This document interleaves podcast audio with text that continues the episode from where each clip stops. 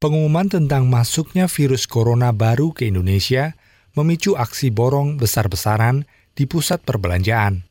Warga berbondong-bondong membeli bahan pangan dan obat-obatan.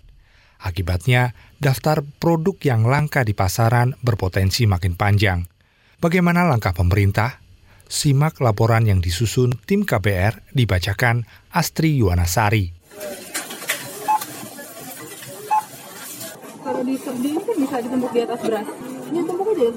Anita rela bangun lebih pagi untuk belanja sejumlah bahan pangan dan obat-obatan.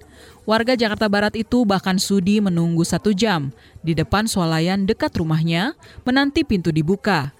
Ia khawatir bakal kehabisan stok pangan, imbas virus corona tipe baru resmi masuk Indonesia.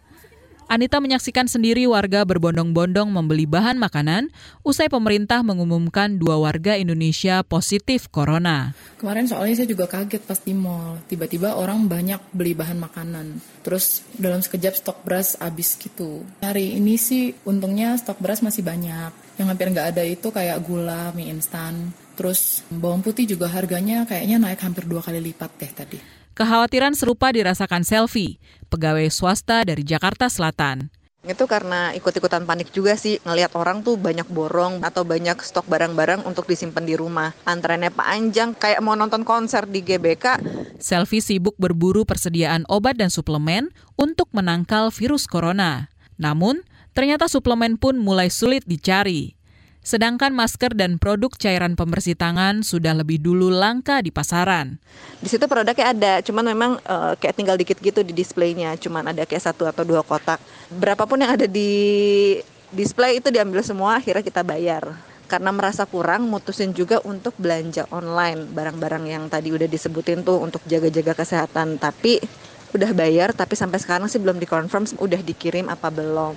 Kelangkaan beberapa komoditas, terutama masker, juga sudah berlangsung di hampir semua daerah.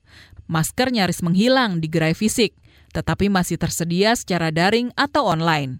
Itu pun dengan bandrol harga selangit di kisaran ratusan ribu hingga jutaan rupiah per box. Menyikapi keresahan warga, Presiden Joko Widodo mengimbau tidak perlu ada aksi borong besar-besaran atau panic buying. Jokowi mengklaim stok pangan dan obat-obatan aman. Karena pemerintah menjamin ketersediaan bahan pokok dan obat-obatan yang ada. Saya tadi sudah cek Bulog, cek ke Apindo, semuanya memberikan jaminan ketersediaan bahan pokok dan obat-obatan. Jokowi juga mengklaim stok masker dalam negeri mencapai 50 juta. Namun ia mengakui beberapa jenis masker mulai langka di pasaran. Jokowi telah memerintahkan kepolisian menindak siapa pun yang sengaja memanfaatkan isu corona untuk mengambil keuntungan pribadi.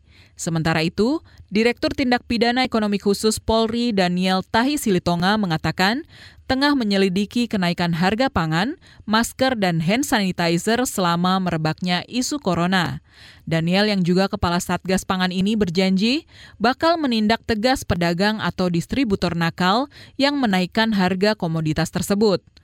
Para pelaku bakal diancam hukuman penjara paling lama lima tahun atau denda paling banyak 50 miliar rupiah. Maka uh, kami tetap uh, melakukan tugas kami untuk uh, pemantauan ataupun melakukan tindakan-tindakan hukum apabila ada rekan-rekan kita uh, pemain-pemain di lapangan yang memanfaatkan situasi ini atau uh, melakukan tindakan-tindakan lain mengambil kesempatan dalam situasi ini maka kita akan turun. Guna mengatasi kelangkaan sejumlah komoditas, pemerintah menjamin bakal segera menambah pasokan lewat impor.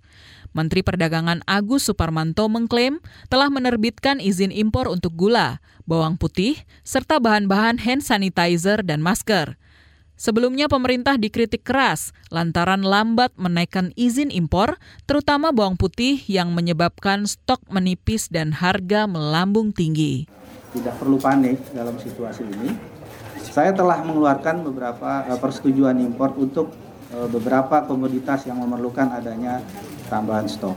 Sedangkan izin impor yang kami telah keluarkan yaitu gula kristal merah, yang telah digunakan sebagai bahan baku. Gula kristal putih untuk konsumsi telah diterbitkan sebanyak 438.802 eh, ton yang dapat memenuhi kebutuhan hingga Mei 2020. Demikian laporan yang disusun tim KBR, saya Astri Yuwanasari.